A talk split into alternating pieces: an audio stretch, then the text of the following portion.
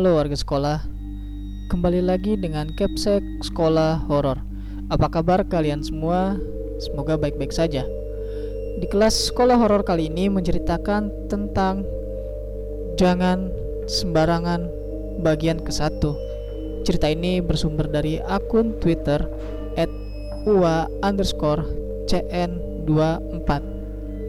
Kisah ini menceritakan mengenai pengalaman-pengalaman horor dari seorang mahasiswa yang bernama Uwa yang hendak membuat film untuk Festival 21 di mana dalam proses pembuatan filmnya mengalami gangguan-gangguan mistis. Bagaimana lanjutan ceritanya? Sebelum kalian mendengarkan cerita ini, Capsek akan berterima kasih untuk like, share, dan komen kalian di video ini. Lanjut saja, selamat mendengarkan.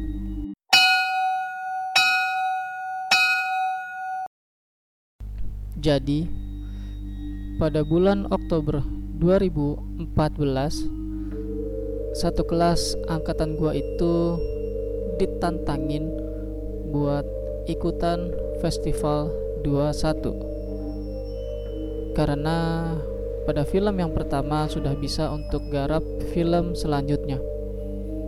Jadi, dosen gua sekaligus produser menyuruh untuk buat ikutan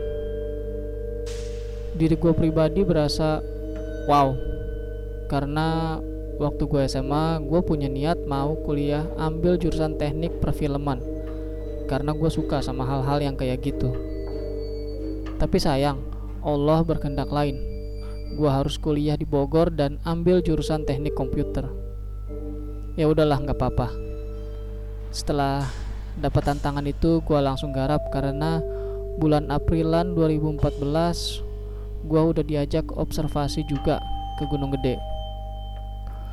Untuk buat film dokumenter yang kebetulan cocok lah dengan festival 21 yang akan gue ikutin itu. Nah sebagian nama yang ada bakal gue samarkan ya guys. Jadi dosen gue itu namanya Pak Coki. Beliau udah ngasih pinjem alat-alat buat proses pembuatan film mulai dari laptop, kamera, pokoknya sebagian kita pakai dari alat-alatnya Pak Coki. Dan yang sebagian lain kita dapatkan dananya dari kampus karena kita mengajukan proposal ke kampus. Teman satu kelas gue di kampus banyaknya laki-laki. Ceweknya bisa dihitung sama jari. Dan cewek yang bertahan di kelas cuma gue doang, yang lain udah cuti dengan alasan lainnya karena gue kurang pemain dan kru jadi gue ajak adik kelas gue buat ikut berpartisipasi. Gue ajak juga orang dari luar kampus. Oke persiapan dan pengambilan gambar sebelum diambil di Gunung Gede tuh mulus-mulus aja. Pokoknya nggak ada hal yang perlu dikhawatirkan. Paling cuma kesel-kesel sama pemain tapi ya itu udah biasa. Di setiap kegiatan pasti ada aja orang yang selalu buat kita kesel gue di sini yang ambil kendali tapi gue nggak bisa sendiri. Jadi gue butuh juga kerjasama dengan yang lain.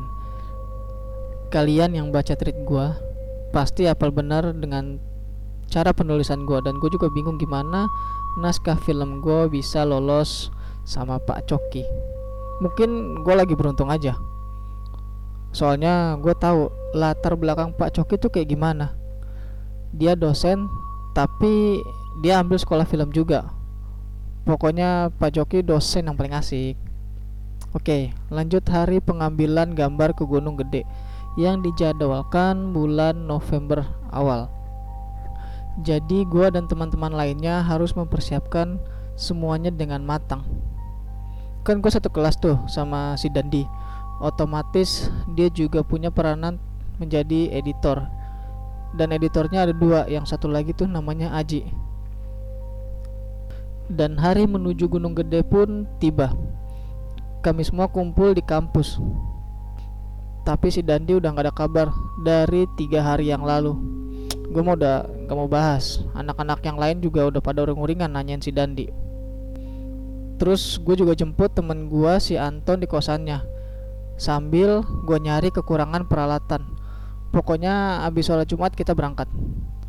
Dan pas nyampe kosannya si teman gue itu ternyata dia lagi kena tipes. Sumpah stres banget gue sedangkan dia itu dapat peran yang lumayan penting. Terus gue bilang ke dia kalau emang sakit ya nggak usah lah maksa buat naik. Tapi dia tetap pengen ikut. Karena dia merasa udah mempersiapkan ininya dengan beli ini dan beli itu buat naik. Dan dia juga merasa nggak enak karena menurutnya emang ada peran penting di film kita itu.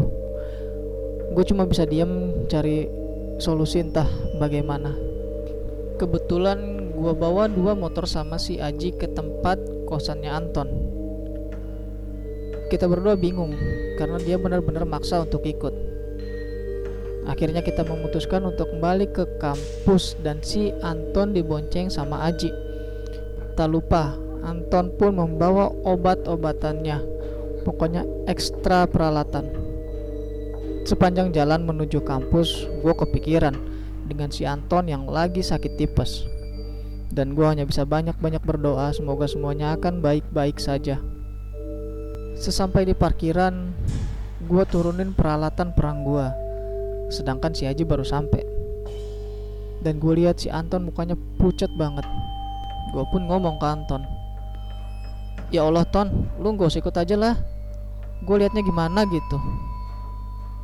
Anton pun menjawab gue kuat wa tenang aja. Iya tuh Ton. Mending gak usah ikut lu. Istirahat aja. Ntar gue anterin balik. Gimana? Mau nggak? Tambah Aji. Namun Anton pun memaksa untuk tetap ikut. Gue jalan buru-buru di dalam kampus, ternyata udah rame. Ada kakak tingkat gue juga yang mau ikut ternyata. Dan ada juga krunya dari Pak Coki dan para pemain pun udah datang.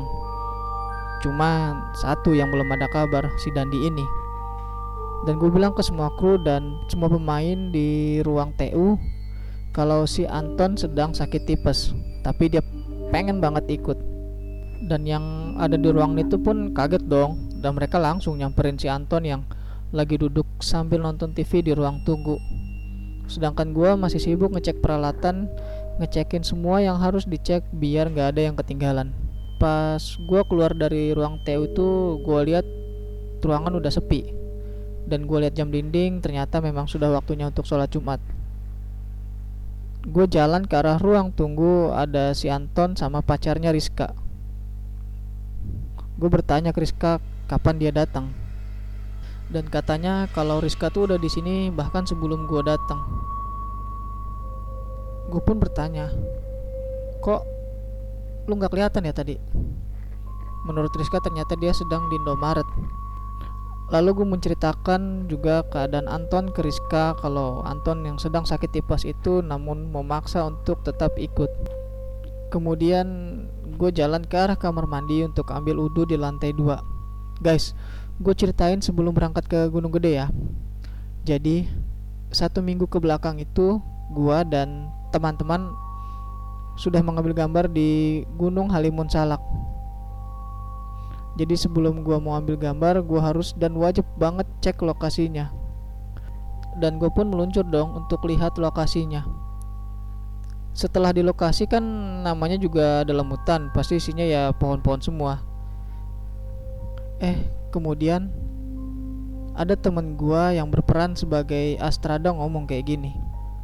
Waduh tempatnya demit ini. Dan gue pun gak nyautin dia ngomong kayak gitu. Gue masih buka aja cek lokasi buat ngepasin sesuai dengan lokasi yang gue tulis di skenario nya teman-teman yang lain juga ada yang sibuk ngambil gambar dan yang lainnya ada yang ngurus perizinan buat ambil gambar sekaligus buat nanti kita ngecamp setelah selesai semuanya dua hari kemudian kita semua datang lagi ke Halimun Salak dengan semua kru. Sesampai di Halimun Salak, kita langsung siapin alat untuk ambil gambar. Kita sampai sekitar jam 1 siang. Karena kita sudah izin semuanya jadi nggak usah ke sana sini lagi. Tapi sangat disayangkan cuaca gampang sekali berubah-ubah. Hujan pun turun. Kita pun berteduh di sebuah pila dan boleh digunakan sama petugasnya ya gue liatnya ya serem gue nggak masuk malah tetap di luarnya aja sambil lihat skrip. Ya Allah dari jam 2 turun hujan berhenti jam 4 sorean. Kita pun langsung ambil gambar. Sedangkan yang lainnya buat tenda untuk kita nanti beristirahat. Kenapa kita nggak tidurnya di villa aja sih? Ya karena kita harus bayar. Sedangkan kan izin awal kita hanya untuk mengambil gambar. Tapi itu pun juga udah lumayan. Namun hujan pun kembali turun dan terpaksa kita harus gambil gambarnya sambil hujan-hujanan. Tapi tentunya kita istirahat terlebih dahulu soalnya udah mau maghrib. Pak Coki nggak ikut ngecamp. Dia mau pulang ke Jakarta soalnya besok Pak Coki ada acara. Jadi dia diantar hakim ke stasiun Bogor. Nah, Mbak Nurut juga nggak ikut karena dia juga ada acara. Kembalinya hakim dari nganterin Pak Coki dengan membawa makanan dan kita pun makan terlebih dahulu. Setelah selesai gue masuk tenda. Gue satu tenda sama Etika dan Kiki. Oke, gue nggak bisa tidur nyenyak karena berasa ada yang ngawasin. Suara anjing melonglong atau kayak serigala gitu.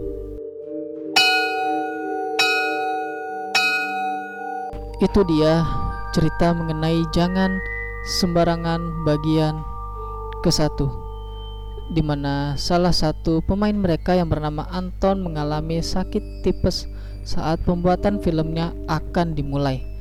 Kalau kalian jadi Anton, apakah kalian akan tetap ikut demi terlaksananya film ini atau lebih memilih untuk beristirahat? Well, apa pun itu pasti ada sisi positif dan negatifnya.